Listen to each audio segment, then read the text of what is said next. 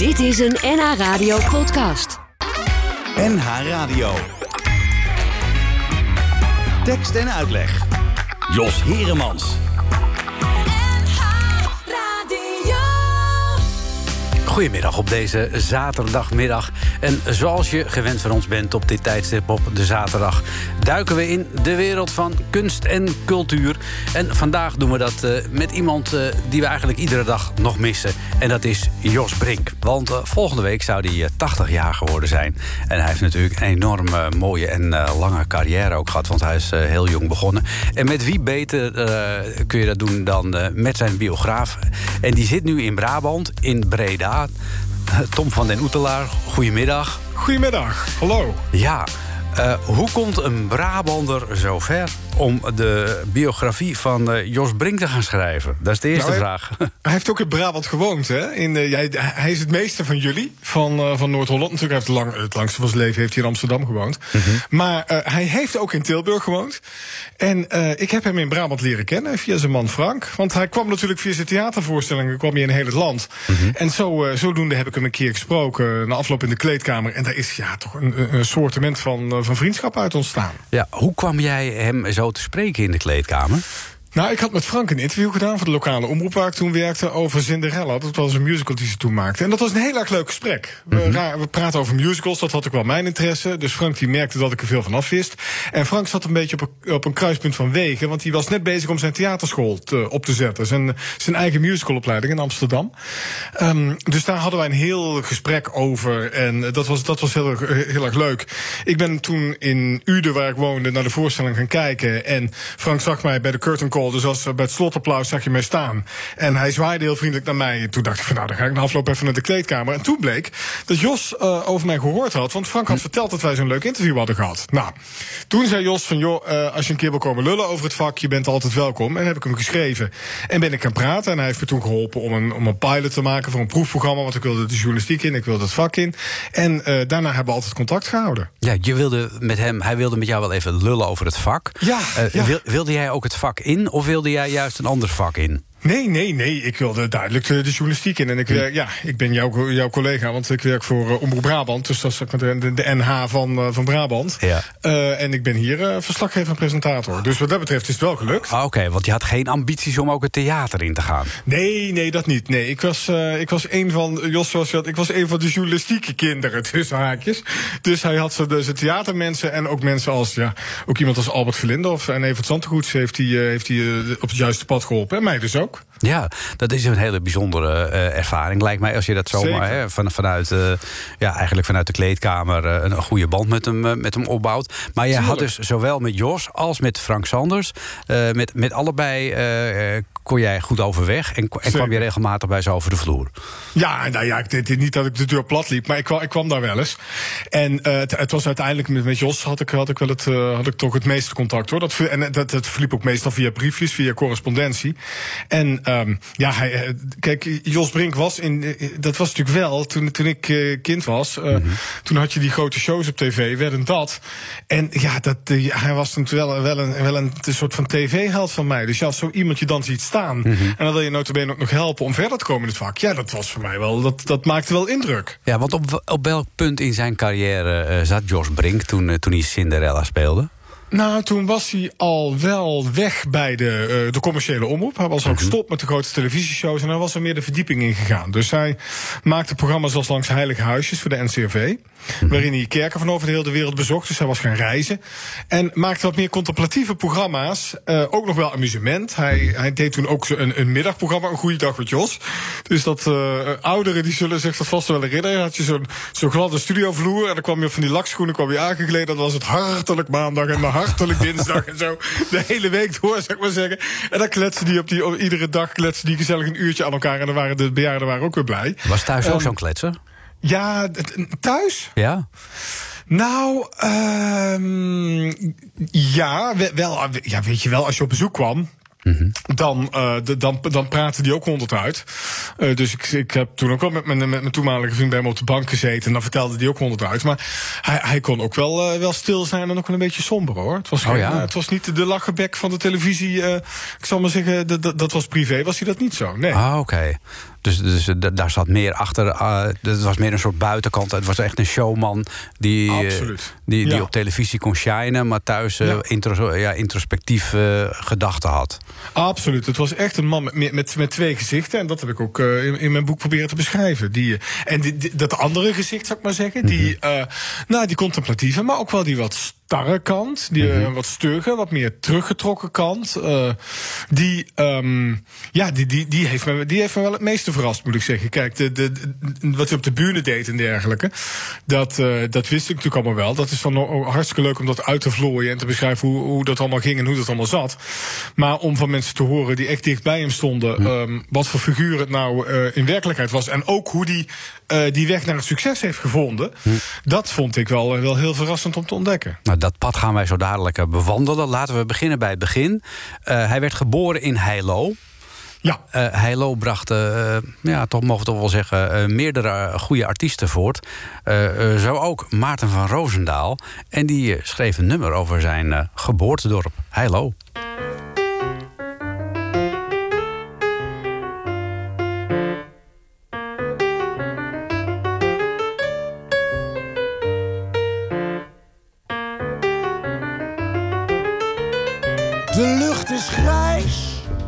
En het moldert.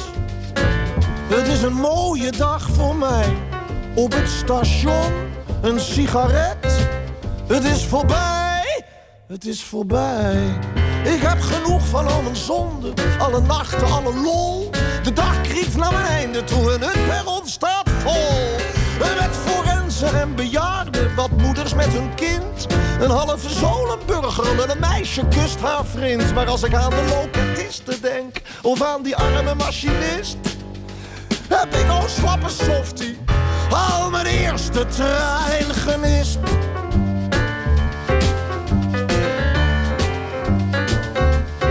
Ik recht mijn rug, mijn hoofd omhoog. Het gaat, het gaat alleen om mij.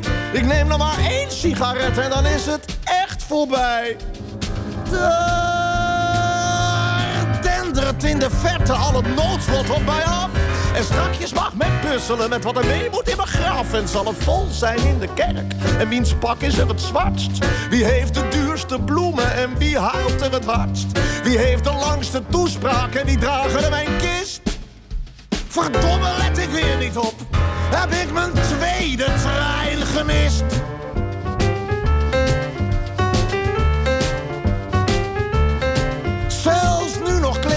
Ongeluk als een schaduw aan mijn zij. Ik neem nog maar één sigaret en dan is het echt voorbij. Dag vader en dag moeder. Dag zuster Ursula. Ik zie het niet meer zitten. Geen stuiver laat ik na. Geen stereo, geen magnetron, geen boot, geen kruimeldief. Geen oude vaas, geen huwelijksring en ook geen afscheidsbrief. Want alles dat je nalaat is alleen familie twist. En nu heb ik dankzij jullie ook mijn derde trein gemist.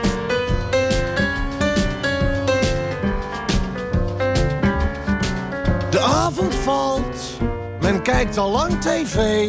Ik neem een laatste sigaret, er zit ook nooit iets mee. Ik, ik, ik, ik, eh, eh, eh, ik, ik, ik sta hier maar als een skier op de schans. Als straks de rinkelen, grijp ik mijn laatste kans. Dan spring ik als een god, hoe heet dat? Mijn vrijheid tegemoet. Zo'n man die uit een vliegtuig springt, daar- daar is de trein maar goed. Je weet wel, met zo'n rugzak om zo'n shit. Rugzak om, met zo'n rugzak om zo'n eh, parachutist. Dan gaan de bomen alweer open. Ik heb mijn laatste trein gemist.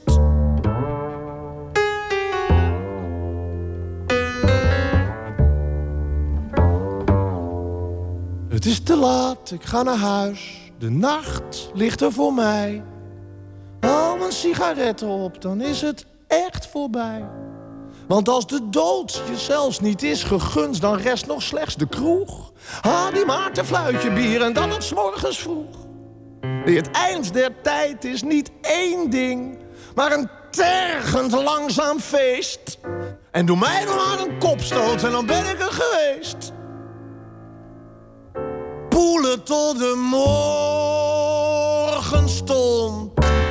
Het zal zo moeten zijn. En in de verte hoor ik vaag. Daar gaat de eerste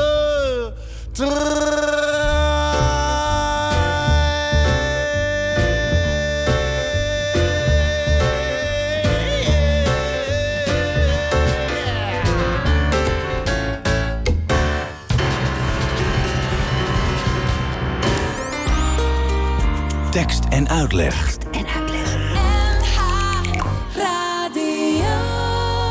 Dat was Heilo van Maarten van Roosendaal. Uh, want Heilo is de geboorteplaats van Jos Brink.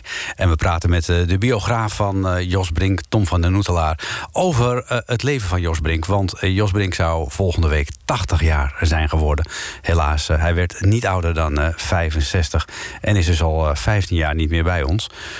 gelukkig schreef jij die prachtig mooie biografie van hem, Tom...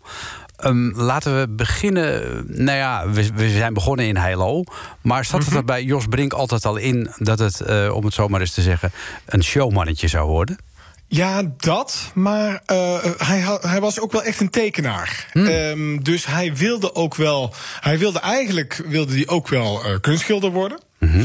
Maar dat mocht niet van zijn vader. Oh, waarom dus, niet? ja, die, die zei: daar kun je je brood niet mee verdienen. Waarop Jos zat van ja, met theater dan wel. Maar zijn vader had zelf uh, wel iets met, met toneel en, en, en, spelen. Die had zelf eigenlijk wel naar de toneelschool uh, gewild. Maar dat mocht hij dan weer niet van zijn ouders. Aha. Want u raadt het al, dan kan je je brood niet mee verdienen. En dat zijn natuurlijk allemaal maar ontaarde figuren daar in dat theater. Dus zijn vader ging heel degelijk bij de belasting werken.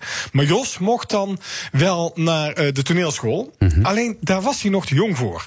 En toen zag je in de krant een oproepje uh, dat hij zich aan kon melden voor een opleiding voor de hoorspelkern. Je had toen, ja, tegenwoordig heb je natuurlijk allemaal podcasts, maar toen had je op de radio nog, uh, ook bij gebrek aan televisie, had je allemaal hoorspelen die heel erg populair waren. Alleen die mensen die, die vergrijzen die dat maakten. Mm -hmm. Dus ze zochten nieuwe aanwas en ze startten dus met een opleiding. En uh, Jos schreef zich daarvoor in. En met zijn prachtige stem en met zijn mooie en verzorgde dictie.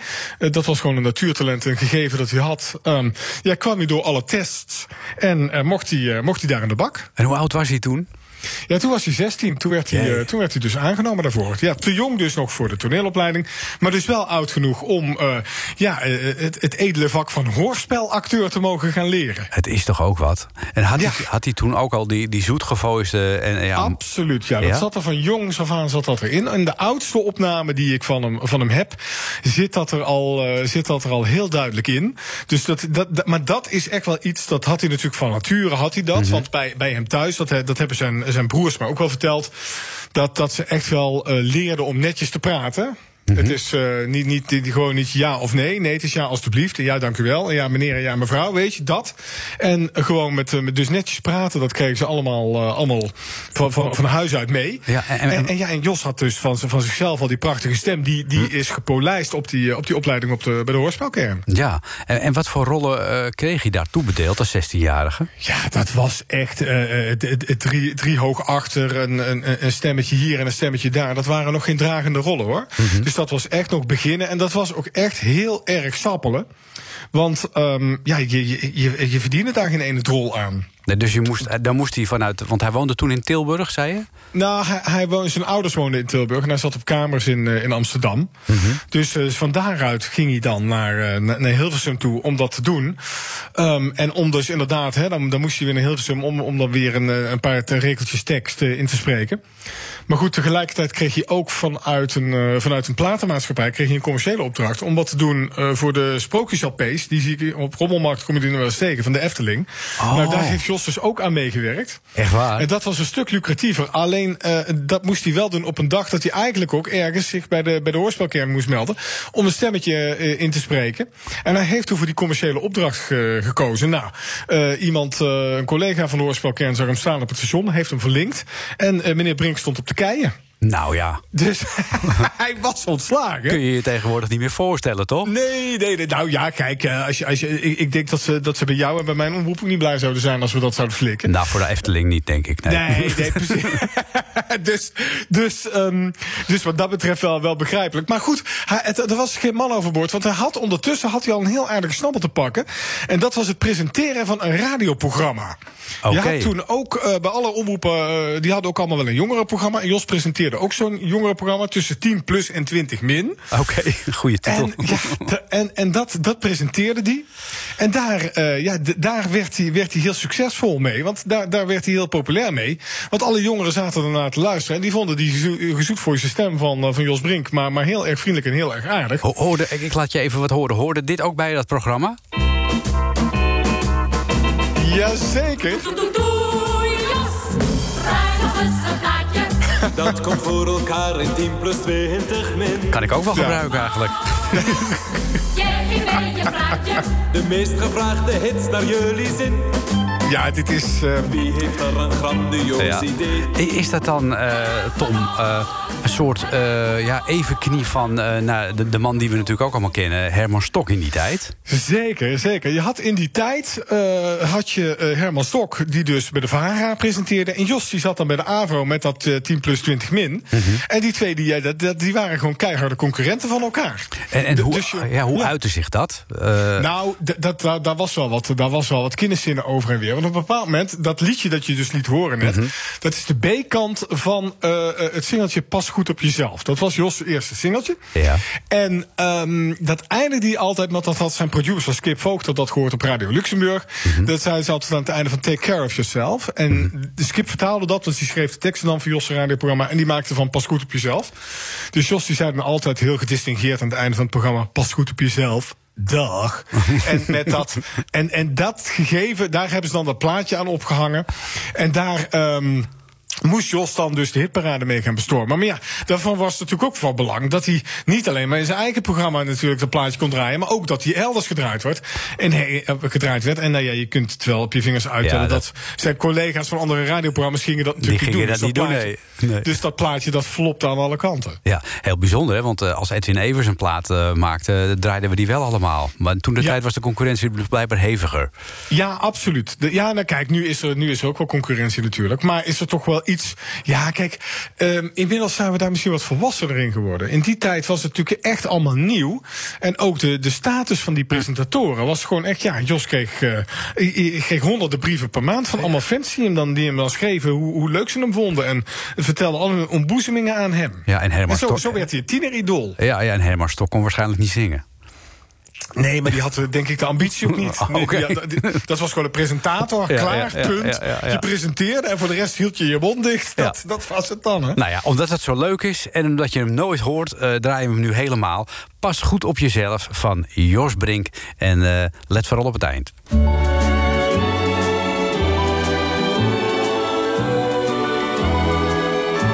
Pas goed op jezelf. Dat zeg ik bij het afscheid als een laatste groet. Pas goed op jezelf. Vergeet niet om te doen wat je het liefste doet. Maar denk aan een ander, vergeet egoïstisch plezier. Denk ook eens aan hem of aan haar op je eigen manier. Pas goed op jezelf, dat zeg ik bij het afscheid als herinnering. Pas goed op jezelf, je was er toch van plan toen je van huis afging. Wees daarom voorzichtig, denk even aan wat ik je vraag.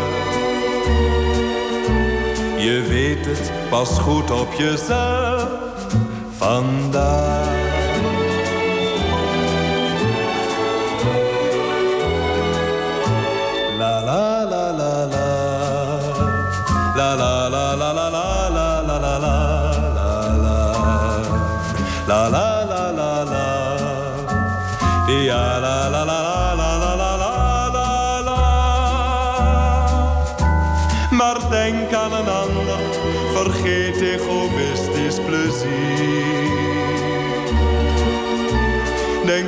Eens aan hem of aan haar op je eigen manier.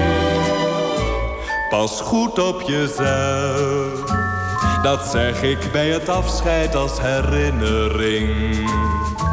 Pas goed op jezelf. Je was er toch van plan toen je van huis afging. Wees daarom voorzichtig, denk even aan wat ik je vraag. Je weet het, pas goed op jezelf. Vandaag.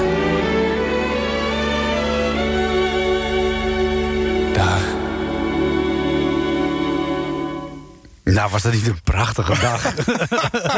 Fantastisch. Ja, zo, zo, zo hoor je ze niet meer. hè? Nee, zo hoor je ze tegenwoordig niet meer. Dat was eh, Jos Zo. Brink met eh, Pas Ja. goed op jezelf. Een liedje dat dus eh, gemaakt werd eh, speciaal... naar aanleiding van het radioprogramma... dat hij toen de tijd presenteerde. Je liet net Tom van den Oetelaar, de biograaf van Jos Brink... al even vallen dat eh, Skip Voogd een belangrijke rol speelde in zijn leven. Nu is Zeker. Skip Voogd eh, ja, een, een radiogrootheid. ja, nog niet zo lang overleden. Maar hoe Mhm. heeft Skip Voogd eh, Jos Brink eh, zeg maar onder zijn hoede genomen? Nou, dat begon eigenlijk eh, vanaf het moment dat, dat Jos dat programma ging maken. Toen, ja, toen, toen gingen ze samenwerken. Hè. Dat, eh, Jos sprong eigenlijk op een rijdende trein, want dat programma bestond al. En Skip schreef daarvoor de teksten en deed de muzieksamenstelling. Dus ja, ze, ze gingen met elkaar werken en hadden een klik. En niet alleen een werkklik, maar dus ook een persoonlijke klik. Dus ze hadden ook een relatie, kregen ze op een ja, gegeven ze, moment. vonden, ze vonden elkaar meer dan leuk. En kregen dus inderdaad een relatie. Alleen, je moet je voorstellen, dat we, we hebben het over 1964. Mhm. En eh, ja, Jos die zat, nog, eh, die, die zat nog in de kast. Dus dat, eh, dat was helemaal nog niet bekend. En ehm, dus dat ging allemaal een beetje in het verborgene. Ging allemaal Mhm. een beetje besmuit. Maar ja, Skip was dus enerzijds degene met wie hij zijn eerste ja, liefdesrelatie eigenlijk had. Mhm. En ook de, de man die hem ehm, qua werk onder zijn hoede nam. En de man die hem begeleidde. En de, de man die, hem, die, hem, die de ruwe diamant, zeg maar als eerste sleep. Ja, nu is dat altijd een gevaarlijke eh, combinatie. Iemand die in je werk eh, je op sleeptouw neemt... waarmee je ondertussen Ja. ook een relatie begint. Dat gaat in vele gevallen uiteindelijk niet goed. Hoe ging dat bij Jos en Skip? Nou, kijk, eh, Skip is een heel, eh, was een serieuze man. Eh, met, met een paar vrienden en een wat introverte man ook. En Jos was enorm extravert. En ja, die, die knalde, zou ik maar zeggen, dat leven in. Dus die, die, die proefde van het succes. Die, en die greep alle kansen ehm, i- i- op, alle, op alle vlakken. Dus ook Ja. op het liefdesvlak. Dus ehm, Jos was niet per se heel erg trouw aan Skip. Nee, precies. Die keek ook wel even wat, wat meer in, om zich heen. Die keek om zich heen en plukte, plukte vrolijk alle, alle vruchten die op zijn pad kwamen. En dat, ja, dat, dat zorgde bij Skip natuurlijk wel voor, eh, voor teleurstelling en ook voor heel veel verdriet. Maar toch iedere keer wel weer proberen. Toch ook vanuit, misschien ook wel gewoon, hè, liefde maar blinkt. Ehm, toch, toch het iedere keer weer opnieuw proberen. En nam die Jos weer liefdevol in zijn armen en gingen ze, gingen ze weer samen verder. En eh, gaf hij ook zijn netwerk aan Jos. Want dat plaatje dat je net draaide, dat kwam via Jackie Bulterman. Dat was de grote, eh, de grote Ja. platenproducer in die tijd. Dat was een de- dat was iemand, eh, hè, de, de familielid van Skip, ik geloof een, een, een oom. En ehm, dus zodoende eh, eh, kwam Jos aan dat plaatje. Dat kwam allemaal via het netwerk van Skip. Ja. Jos ging een televisieprogramma ook presenteren, Combo. Dat kwam allemaal weer voort uit, uit dat netwerk. En uit Skip die voor hem aan het lobbyen was. Want die had iets van, ja, je moet, televisie is een medium, dat is een opkomst. Daar moet je ook op komen. Dus ehm, zo ehm, was Jos ook wel gehaaid genoeg om, om Skip aan zich te binden omdat hij ook heel opportunistisch via Skip allerlei kansen kreeg. Ja, uiteindelijk is dat toch gestrand, denk ik. Of zijn ze elkaar gewoon uit het oog verloren? Nee, nee, nee, nee, nee. Dat is uiteindelijk is dat, eh, is dat, ges- eh, is dat gestrand. En eh, kreeg Jos een wat, wat langere relatie eh, met iemand anders. En ehm, toen, toen, ja, toen, toen, eh, brak, toen verbrak eh, die band. En jaren later, in de jaren tachtig, stond eh, Jos nog wel een keer eh, bij Skip voor de deur. En zei hij van, ik kom je even een zoen geven. Maar toen heeft Skip eh, die deur eh, recht eh, voor zijn neus dichtgegooid. Kijk. Een heel impulsieve actie, wat hij, wat hij anders nooit zou doen. Ehm, maar even later zijn ze elkaar op een begrafenis tegengekomen en hebben ze toch wel weer heel fijn en prettig met elkaar gepraat. Dus ehm, wat dat, dat, dat was er ook, zou ik maar zeggen. Dus Ja. het is, eh, maar het is geen onverdeeld genoegen geweest voor Skip, eh, Nee, zijn relatie met Jos. Nee, dat kan ik me zo voorstellen. Ik moet je nog even meenemen naar iets anders. Dat, eh, wat ik tegenkwam in jouw ehm, biografie o- over Jos Brink. Mhm. Dat vond ik ook wel opmerkelijk. Ik laat je even iets horen en eh, dan mag jij vertellen waar dit mee, mee te maken heeft. Oké, dat is goed. Ja, oké, komt ie aan.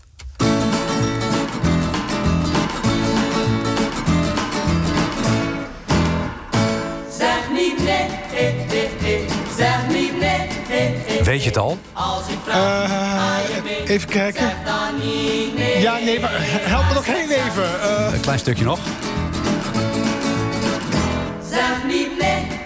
Dit eh, zijn eh, de Furio's. Oh, ja, oh, ja, die Ja, ja, ja.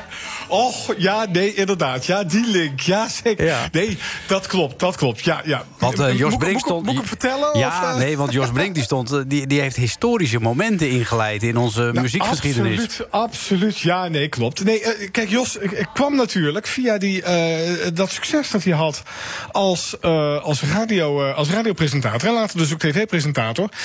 kwam hij in dat snabbelcircuit en ging hij allerlei presentaties doen. En op een bepaald moment stond hij in het Koerhuis ook zo'n avond weer te presenteren. Met dus inderdaad, wat je net liet horen, de Voerjoos ook erbij en André van Duin. En dus, want daar wil je na- naartoe natuurlijk. Ja. Het, het legendarische concert van de Rolling Stones. Ja, wat uiteindelijk eh, maar vijf nummers heeft geduurd. Nou, eh, vijf minuten volgens mij. Oh, bij, volgens mij bij nummer, bij nummer twee weer k- kwamen, kwamen de kroonluchters naar beneden. Oh. En eh, werd, werd de, de, de boel afgekapt door de, door de, eh, door de politie in de tijd. Maar het dat klopt, ja. Zo is Jos verbonden ook met dat, dat legendarische stuk hij- in de, in de geschiedenis. Hij heeft ook nog een beetje geholpen om de boel een beetje ja, uit de hand te laten lopen, ook geloof ik. Hè? Als ik jouw boek zo mag hij, geloven. hij- hij geloven. droeg er niet aan bij, zou ik maar zeggen, om de boel goed te kanaliseren. Want hij maakte in, in zijn aankondiging maakte hij nog een fout te roepen dat de Rolling Stones uit vier leden bestond, terwijl er dat er op dat moment vijf waren. Dus dat, eh, daardoor werd hij weggefloten. Maar die jongeren in die zaal die waren natuurlijk hartstikke opgefokt. Kijk, je, je had, kijk, tegenwoordig als je naar een concert gaat, dat heb ik dus ook allemaal geleerd door het schrijven van dat boek. Mhm. Ja. Kijk, als je nu naar een concert gaat, je hebt hooguit een voorprogramma, en dan komt gewoon de artiest waar je voor komt. Maar toen had je gewoon een, er waren allerlei jongeren die zaten in die zaal aan het koerhuis en die kwamen voor de Stones. Mhm. Maar die kregen een heel programma met dus inderdaad, wat ik zeg, André van Duin. Dat is allemaal nog wel leuk, hè? Die had toen zijn bandparodisten ding.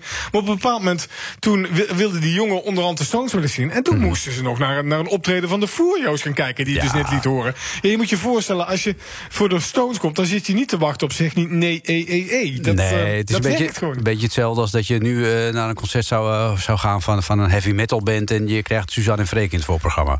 Dat. Ja. En dat werkt dus gewoon niet. Nee, nee, nee. en dat, had- dat had de programmeur gewoon verkeerd gedaan. En Jos die stond daar natuurlijk ook gewoon. Ja, afijn, Jos kon daar verder ook niks aan doen. Die deed ook nog een keer die voor betaald werd. Net als die arme voerjoos. Maar dat was gewoon verkeerd geprogrammeerd. Ja, maar ondertussen eh, deed Jos Brink het natuurlijk heel goed. Want eh, bij de, toen de Beatles in Nederland waren, was hij erbij. Toen de Stones in Nederland waren, was hij erbij. Eh, Adamo, eh. Hardy, eh, Bobby V, al die sterren van die tijd. Dat Ja, ging die- hem ook heel makkelijk af, hè? Ja, ja, ja, Sammy Davis Jr., dat soort grote helden. Dat kwam allemaal naar Nederland. En hij was erbij en hij zat erbij. En terwijl het toch niet echt iets was waar hij heel erg, heel erg iets mee had hoor. Hij was veel meer van de, van de klassieke muziek. Ik heb, er is van die, van die, van die uit die tijd, eh, van die muziekprogramma's van ons, is helemaal bijna niks bewaard gebleven. Ik heb één opname kunnen achterhalen. En dat begint, hou je vast, met een, een, met een stukje klassieke muziek. Ja, dat kan je ook niet meer voorstellen. Ik denk van waarom? Maar eh, ja, zo, zo, zo deed hij dat. En eigenlijk die klassieke muziek, dat lag hem veel meer dan, eh, dan, dan popmuziek. De Beatles vond hij nog wel aardig, maar die rock van de Stones had hij helemaal niks mee. Oké. Eh, w- w- ja, zo wel een mooi, eh, een mooi bruggetje naar het volgende onderwerp... wat we eigenlijk willen behandelen. Want je had die ene kant, die glamour kant eh, van, jo, eh, van Jos Brink... maar hij had ook een heel geëngageerde kant. Zeker, ja, absoluut. Ja. Hij is al, al heel jong, is hij, eh, want hij, hij ging dus ook het theater in, hij ging cabaretprogramma's maken. Maar hij ging ook ging hij preken in de kerk. Al op, al op, jonge, al op jonge leeftijd. Hoe oud was hij toen? Ja, toen was hij, dat, dat is ook geweest 1968. Dus dan Oh, ja. was hij, ja, precies. Dus, dus het was toch gewoon een, een, vlotte twintiger. Maar toen was dat ook het- helemaal niet gebruikelijk, toch? Dat leger Nee, nee, gingen nee. preken. Hm. Dus dat, dat, dat kwam ook in de krant. Ik heb allerlei kranteninterviews daarvan. Uh, cabaretier Jos Brink gaat preken in de kerk. Wat is dat nou? Ja. Dus ehm, da- daar mocht hij, mocht hij zich toen al voor verantwoorden. En toen kwam eigenlijk, in die tijd toen hij daarmee begon, zo eind jaren 60, kwamen de. ehm, ja, kwa- kwa- kwam hij, daar, eh, kwam hij daar ook voor het eerst mee in, die, in de publiciteit, ook met die contemplatieve kant van hem. Hm. Zullen we naar een eh, geëngageerd nummer van Jos Brink gaan luisteren? Lijkt me mooi. Van zijn LP uit. eh, eigenlijk, ja, eigenlijk zijn enige LP naast een kerst-LP die hij nog heeft gemaakt. is 1978. Leven kan je leren, heet die plaat. En dit vind ik een heel mooi liedje. En dat gaat, ja. Dat is een heel mooi verhaal. Luister er maar gewoon naar.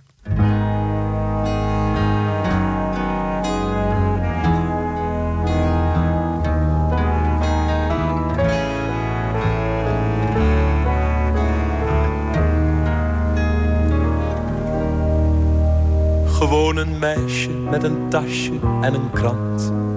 Een ochtendkrant, ze staat vandaag een beetje vroeg. Want gisteravond had ze net nog niet genoeg. Dat moet nu komen van die eerste vroege klant. Hij is het doel dat haar bezielt, maar niet de man waar ze op hoopt. Dat is de jongeman die dealt en haar een gram of wat verkoopt. Want dan pas wordt het weer wat warmer in de stad. Nu is ze ziek, ze heeft haar shot nog niet gehad. Ze moet haar kleine business runnen zonder flat. Ze kent haar klanten niet, gevaarlijk is het soms wel. Het moet in de auto, af en toe in een hotel. Maar liever niet, dat maakt de kluif maar minder vet. En is een binkes extra gul, dan is de dag in één keer goed. Een schone naald en zuiver spul, dat brengt de hoop weer in het bloed. Als je je redden moet met dubieuze speed. Is heroïne toch een zegen, waar of niet?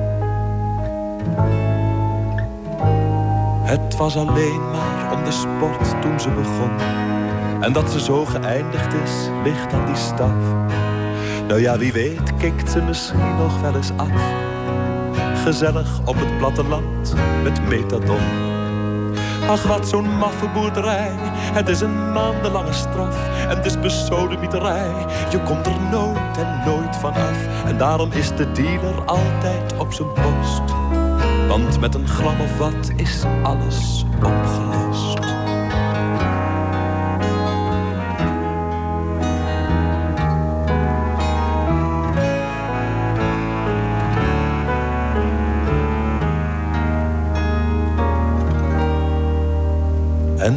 Buis zien wij in kleur het Rembrandtplein. Daar staat ze op de stek, de camera zoomt in. De commentator zegt een hele mooie zin. Wij denken, lieve God, het zal je dochter zijn. Ze wordt bekwaam geïnterviewd, al is het voorbeeld niet uniek. Ze had eerst niet veel zin, maar goed, het is toch weer mooi, 200 piek. Ze zit weer even safe, al lijkt dat dan maar zo. Dan zegt de omroepster, en nu de Mountie Show.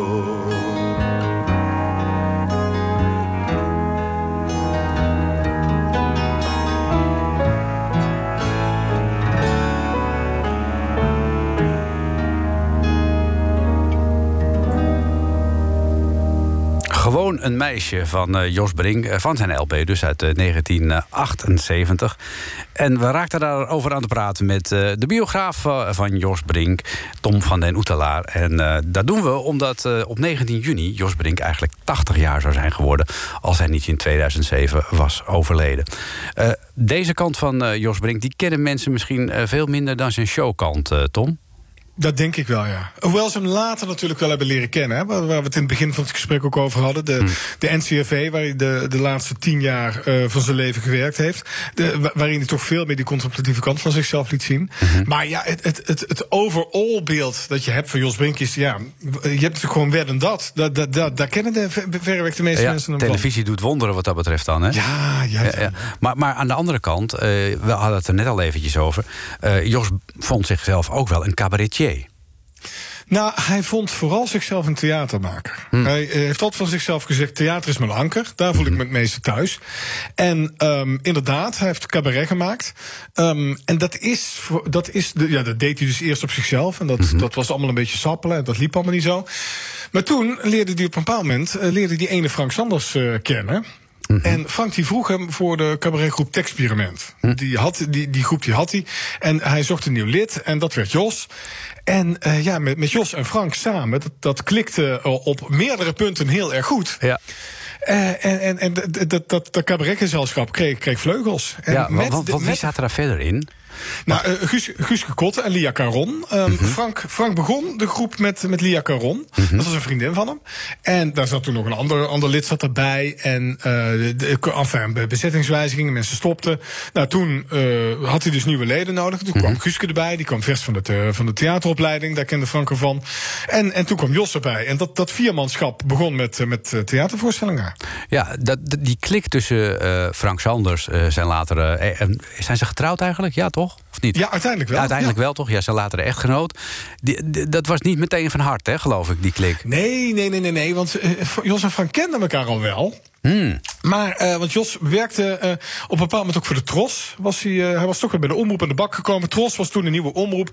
En daar maakte hij radiostrips voor. Dat waren een soort van feuilletonnetjes met muziek erin. En een beetje op een stripachtige manier de, de- van, van die uitvergrote karakters.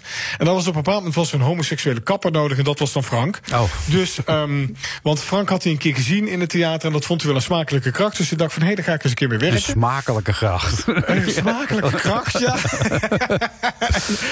dus dan ging hij een keer weer werken. En dan goed, zoals dat ging dan. Na het afloop van het werk eh, ging Frank, ge- reed hij Frank naar huis. En toen mocht hij naar binnen nog een kopje thee drinken. En Jos dacht van nou, van thee komt vooral thee komt ander. Maar dat gebeurde tot zijn stomme verrassing komt het niet. Meneer liep dus een blauwtje, dat was hij ook niet gewend. Dus zo'n eh, een goed beeld had hij ook niet van Frank Sanders. En daarnaast had hij dat experiment wel eens een keer gezien. Maar dat vond hij wel aardig, ook niet heel erg fantastisch. En Frank had Jos wel eens gezien, maar eh, die vond hij veel te veel lijken op Wim Sonneveld. En Frank had helemaal niks met Wim Sonneveld. Dus enfin, dat begon allemaal een beetje dat je zegt van ja. En, en toen had Frank dus nieuwe krachten nodig. Hij had eigenlijk Frits Lambrechts had hij aangetrokken, maar die liet hem te elfde uren liet hij hem zitten. Oh. Dus toen moest hij aan allerlei op zoek naar, naar een nieuw eh, lid. Nou, toen had Hans Otjes toch geprobeerd voor auditie, daar werd het ook niet. Dus het was eigenlijk meer iets van, nou ja, dan maar Jos Brink, Brink, weet je wel. ja. En, en werd het een succes? Ja, absoluut. Kijk, niet meteen. Het was niet gelijk zo van... hup, hebben Jos Brink erbij en de zaal is gaan schieten vol. Maar ze hadden toch vanaf het begin best aardige pers. En ehm, ze drukte toch bij het publiek wel op de juiste knopjes. Ehm, je had in die tijd heel geëngageerd theater eh, aan de linkerkant. En Jos en Frank waren niet zo links. Dit waren niet van die, van die linkse jongens die in spijkerbroek op het, eh, op het publiek stonden te spugen. Nee, die hadden gewoon een keurig pak aan en zongen heel verzorgde liedjes.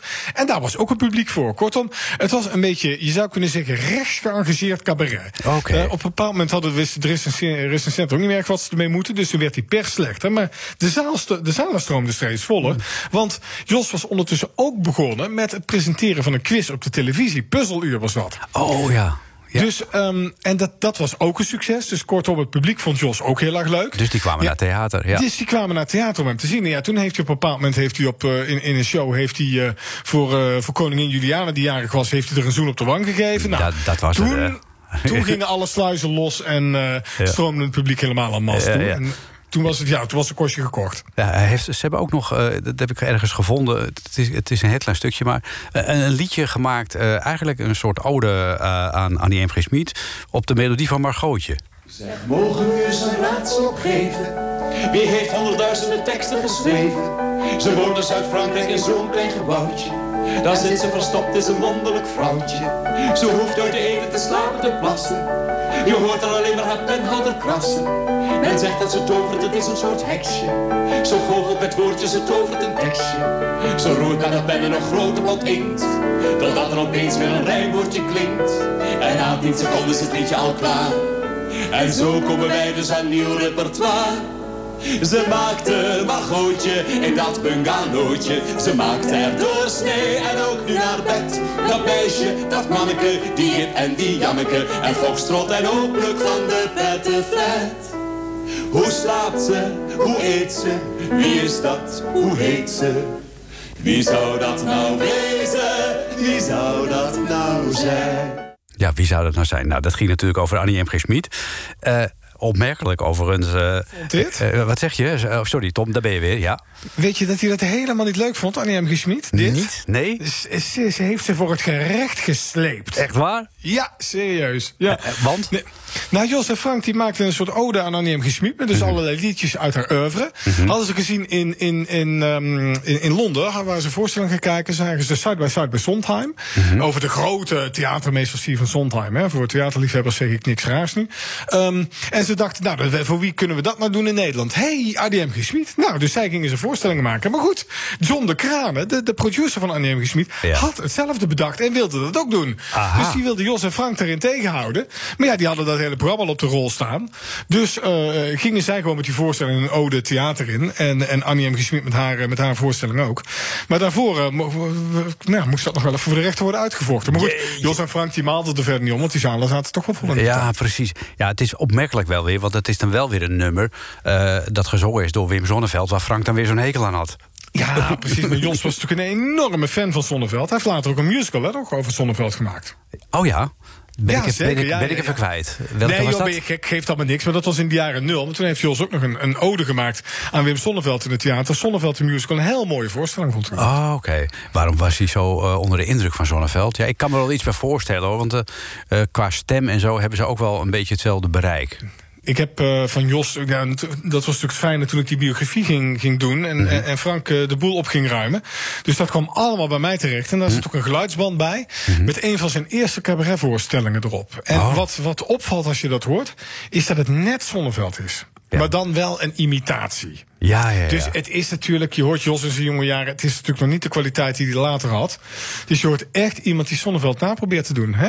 Jos is natuurlijk op die klassieke manier geschoold. En het, dat wat Sonneveld deed, dat was natuurlijk precies wat hij wilde gaan doen. Ja, het was dus dat je- was echt zijn grote idool. Ah, Hij was wel van het imiteren. Ik heb nog een klein ander stukje, moet ik ook even zoeken. Dit is Brandpunt Goedenavond. Dit is Frank Sanders. Onze special is gewijd aan de grote vraagstukken binnen de katholieke kerk. Via Telstar hebben wij een lijn met de hemel... waar een zeer bewonderde katholieke Nederlander... het volgende commentaar gegeven zou kunnen hebben. Wij hebben een vraaggesprek met Godfried Bomans. Wat een truttigheid, hè? Ja, heerlijk hè? Meneer Bomans, wat is eigenlijk de hemelse mening over de paus? Ja, kijk. Niet iedere paus die door de kerk gaat is een kogel. Ja, eh, eh, Jos Brink dus als, eh als, Als Godfried Godfried Bo- Bomans. Maar ja, dat, dat ligt hem natuurlijk ook helemaal. Hè. Dat is natuurlijk ook weer dat, dat geloof wat erbij komt. En Bomans natuurlijk ook weer dat literaire. Dus daar had hij wel wat mee. Ja, wa- wa- Wat, trok hem zo aan eh, in het geloof? Nou, dat, had, dat zat gewoon in hem. Jos was gewoon gelovig. Dus dat, dat heeft hij van, van begin af aan heeft hij dat gehad. Ik heb er ook met een jeugdvriendin van hem over gesproken. Hmm. Ze hebben ook, hij, hij ging ook naar de kerk. Hij heeft met, met die jeugdvriendin heeft hij ook zijn beleidenis gedaan. Dus dat is allemaal, allemaal protestantse kerk heb ik het dan over. Ja. Maar hij wa- was toch ook wel heel erg... Kijk, Ik dacht eigenlijk dat meer dat hij de katholieke kant was opgegaan. dat omdat is hij, laat- natuurlijk ook. Kijk, omdat hij later het- bij de duif zat en zo. Klopt, klopt. Maar hij komt natuurlijk van origine, hij is hij Nederlands hervormd. En komt Mhm. hij uit die protestantse hoek. Niet de streng protestantse hoek, maar wel de protestantse hoek. Dus daar, daar komt hij uit voort. Maar hij is altijd aangetrokken geweest tot dat, dat mystieke. Wat natuurlijk veel meer hangt in de katholieke kerk. Ja. Dus zodoende, op een bepaald moment heeft hij van zichzelf gezegd: Ik ben volgens mij een proteliek. Oké. Dus heeft hij zowel die protestantse als die katholieke kant heeft hij, heeft hij omarmd. En dan maakt hij gewoon zijn eigen, zoals hij zou zeggen, met zijn eigen fijne hutspotje van. Ja, wel bijzonder overigens, hè, om eh, als homoseksuele man in die tijd waarin de, de katholieke en ook de protestante kerk trouwens Ja, eh, ja. daar heel erg eh, ja, afzijdig van waren. En, Ja, klopt, klopt. En, en dan, dan, dan, ja, dan voel je je toch thuis in zo'n gemeenschap. Dat is toch bijzonder, hij- toch? Hij trok natuurlijk wel naar, naar de vrijzinnige tak toe. Hè. Kijk, Mhm. hij was natuurlijk geen echte katholiek, want in de katholieke kerk is ook onbespreekbaar. Eh, hij zat natuurlijk ook niet aan de zwaar gereformeerde hoek. Hm. Maar hij zat meer inderdaad, wat ik zeg, de, de, de, de, de vrijere hoek eh, zat hij. eh. dus Ja. dus, dus daar, daar, kon hij, ja, daar, kon, daar kon hij prima zijn, zijn ei kwijt. En die duif, dat was natuurlijk een, ehm, een heel vrijgevochten, vrijgevochten bende. Want dat, waren, dat was een kerk die gekraakt was hè, in Ja. Amsterdam. Dus eh, daar, zaten, daar zaten wel mensen die op, op een heel ehm, ja, me- menslievende manier eh, na- naar dat geloof keken. Op een heel humane manier. En dat, eh, dat sprak hem aan. Ja. Daar voelde hij zich thuis. Ja. We gaan van de kerk naar het volgende.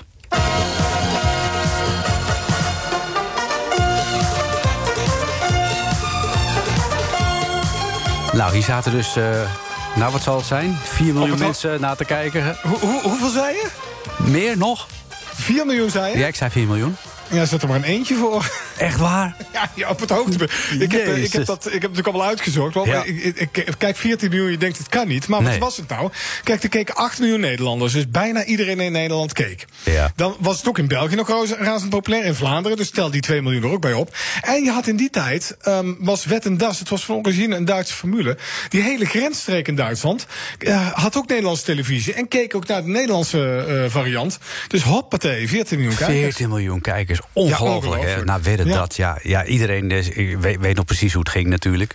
Eh, een, een programma wat eigenlijk ja, mega populair was. En toen was, eh, denk ik, Jos Brink na de eerste aflevering onsterfelijk. Dat denk ik. Nou, dat, dat bouwde zich wel op. Mhm. na, na het eerste seizoen werd hij onsterfelijk. Je had een eerste seizoen, dat waren zes afleveringen. Mhm. En meteen daarna kreeg hij de televisiering. En toen kwam er al vrij snel kwam er een tweede seizoen. En toen kreeg je van die opzienbarende dingen... als dat er een jongetje meedeed die alle sterrennevels herkende. En dat jongetje werd een Ja. week, een week erna eh, overleed hij plotseling. Want we hebben eh, bij, bij een verkeersongeluk. Dus dat zijn allemaal van dat soort afschuwelijke dingen. Maar die dragen eh, wel allemaal bij aan, eh, aan de legendevorming rondom zo'n televisieshow. Ja, begonnen ook bij, eh, bij de AVRO gewoon. Ja, waar, waar, ja. die, waar die eerste uh, uitgebonjourd was, min of meer. Klopt. En toen we teruggebonjourd was, hadden we hem gewoon nodig. Want er was in Nederland maar één iemand die de veelzijdigheid had om zo'n show te presenteren. En dat was Jos Brink. En hoe zijn ze erop gekomen om dat uiteindelijk samen met, uh, met Sandra Remer te doen?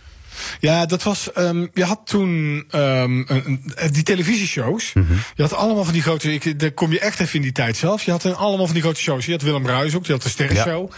En je had de Showbiz Quiz met Ron Brandsteder. En ieder seizoen. Um, die shows die kosten natuurlijk handenvol geld. Mm -hmm. Maar ieder seizoen mocht er aan zo'n show mocht er een ledenactie worden gekoppeld. Aha. En dat was bij de Avro en bij de Tros was dat Telelot.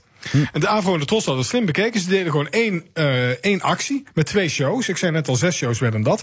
Daarvoor zaten zes shows. Uh, tele, uh, telelot met, met de Showbiz Quiz. Dat was Ron Brandsteder met als assistente ene Linda de Mol. en ja, voor, voor Wedden dat was er dus ook een, iemand nodig die die, die, die lotenactie deed. Ja. Uh, en die dat, allemaal, die dat hele loten gebeuren in goede banen leiden. En dat werd Sander en Remer. Ja, dus zo. Hè? Dat, ja, dat, inderdaad. Vanwege haar Indische origine noemde Jos Brink haar kroephoekje. En dat, als je dat nu hoort, dan denk je van, wat? Dat kan maar niet in meer, die tijd vond iedereen het allemaal hartstikke schattig en heel erg gewoon. Ja, dat enorm succes. Uh, Absoluut. De, de, ja. Deze televisieshows. Uh, daarnaast ontwikkelde hij ook nog musicals. Ja, zeker. Dat, en da, daar was je eigenlijk mee begonnen. Dat, dat we, we, we, waren gestopt bij die cabaretvoorstellingen. Dat cabaret, daar was je op een bepaald moment een beetje mee klaar. Frank en Jos zochten een nieuwe uitdaging. Ik vertelde al dat ze naar Londen en naar, uh, naar New York gingen om shows te zien. Mhm. Mm -hmm. En daar zagen ze natuurlijk die musicals. En dachten ze van ja, kunnen we nou niet zo'n een, een, een, een, een beetje de Broadway... Je had natuurlijk al wel musicals. Hè? Annie mm -hmm. M. G. Schmid had natuurlijk al heerlijk ja. het langs gemaakt. En Foxtrot en zo. Maar zij hadden iets van kunnen we nou niet. Want dat waren natuurlijk musicals van Schmid. Waren, Schmid Banning eigenlijk moet ik zeggen. Waren heel erg op de, op de Nederlandse uh, cabaret cultuur en heel erg talig. Hè? Heel Mhm. mm -hmm. erg op de Nederlandse cabaretcultuur geïnspireerd. En Jos en Frank hadden iets van: kunnen we nou niet een beetje iets van die, van die Broadway glamour um, ook naar Nederland halen? Meer showachtig. Meer show, inderdaad. Mm. Hè? Met, met gouden pakken en dergelijke. En dat, en dat gingen ze doen. En uh, Maskerade was de eerste. En dat werd een razend succes. De, de zalen stroomden vol. Natuurlijk ook weer gecatapulteerd door dat televisiesucces dat Jos Brink had in die tijd. Omdat hij dus de koningin had gekust. En omdat hij de televisiering had gekregen van puzzeluur en daarmee zo'n succes had. Iedereen wilde Jos ook in het theater zien. Ja. En daarna gingen ze Amerika Amerika maken. En dat werd inderdaad dan weer met een veel grotere cast en met decorwisselingen werd dat echt een hele grote. Eigenlijk zou je kunnen zeggen de allereerste echt grote spektakelmusical in Nederland. Maskerade. We, we gaan naar het uh, titelnummer uh, luisteren.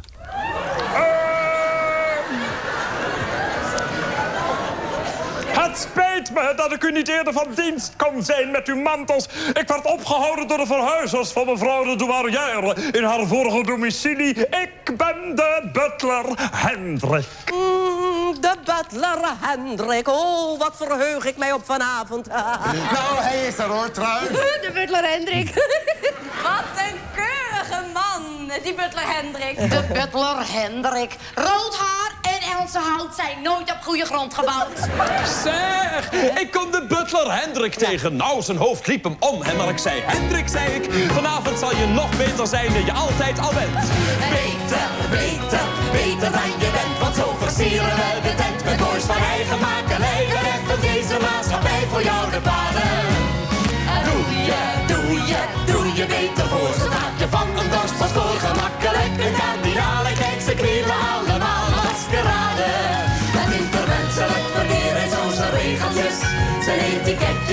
Pakketjes en zegeltjes.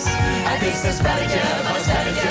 Dommertjes en regeltjes die spelen met de regeltjes. Die scheren en laveren langs het goede en het kwade.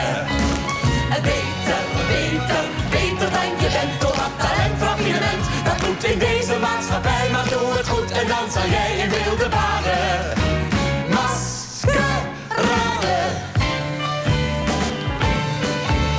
Shuffle, shuffle, step. Beter, beter, dan je bent. Je bent je eigen supplement. Het leven is verlakkerij. Je moet in deze maatschappij jezelf niet schaden. Doe je, doe je, doe je beter voor. Dat vind je overal gehoor. Je merkt dat niemand je met hoon met ontzag en eerbetoon zal overladen.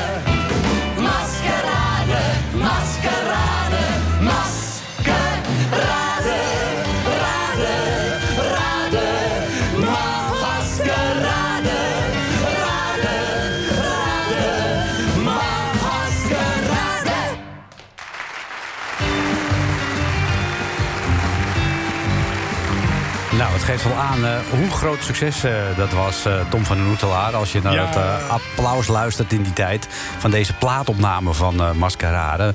Jos Brinken en Frank Sanders. Want Frank speelde daar ook een heel belangrijke rol in, in bij het maken van die musicals. Zeker, maar je hoorde ook Simone Kleinsma, hè, die later natuurlijk toch echt wel een heel grote musicalster is geworden. Is begonnen bij, in- op musicalgebied bij Jos en Frank. We kunnen uren doorpraten over Jos Brink. Daar hebben we helaas nu geen tijd voor. Oh, jammer. Maar volgend jaar zou die 81 geworden zijn. Dus dan kunnen we gewoon verder praten. Precies, dat doen we het tweede deel van Dan doen we het tweede deel. Dan beginnen we bij Maskerade. Laten we dat Precies. afspreken. Ik vond het heel leuk eh, om met jou een uur lang over eh, Jos Brink te, te praten. Eh, als mensen eh, willen nalezen wat er allemaal in die biografie staat van Jos Brink... waar je nog veel meer mooie verhalen en eh, details kunt lezen. veel weer. Ja. Ja. Eh, de biografie eh, ligt gewoon eh, in de boekwaalhandel eh, nog steeds. Eh, het is een uitgave van Spectrum Uitgeverijen. En eh, de naam die je dan op de voorkant aantreft... is die, niet alleen die van Jos Brink, maar ook die van Tom van den Oetelaar. Want die Ik schreef... veel kleinere letters hoor. Oh, dat is jammer. En terecht. Want het gaat om Jos. Het Ja. gaat om Jos. Nou, Tom, dankjewel. Heel veel succes nog bij Omroep Brabant, waar jij nu zit. Dankjewel. En Dankjewel. we, spreken, we spreken elkaar over, de, over een jaar weer voor deel 2. Absoluut, doen we. Oké, tot dan. Dag.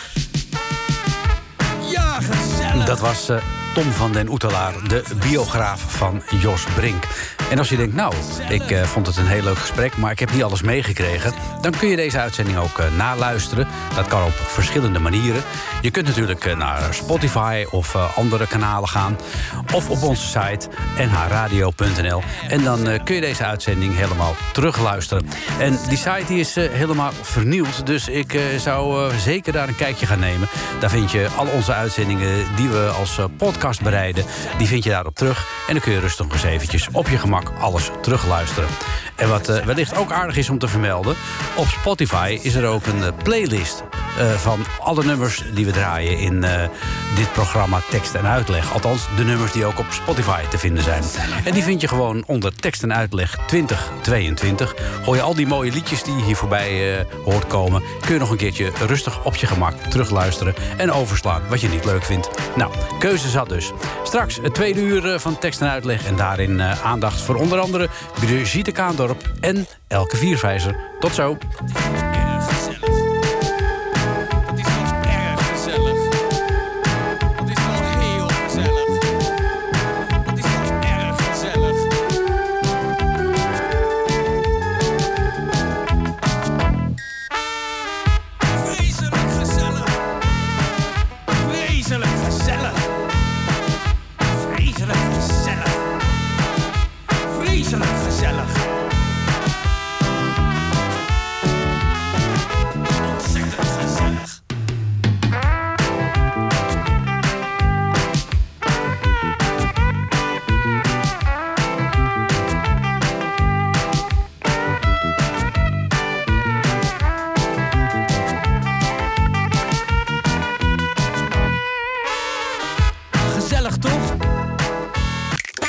Was een NH Radio podcast. Voor meer, ga naar nhradio.nl.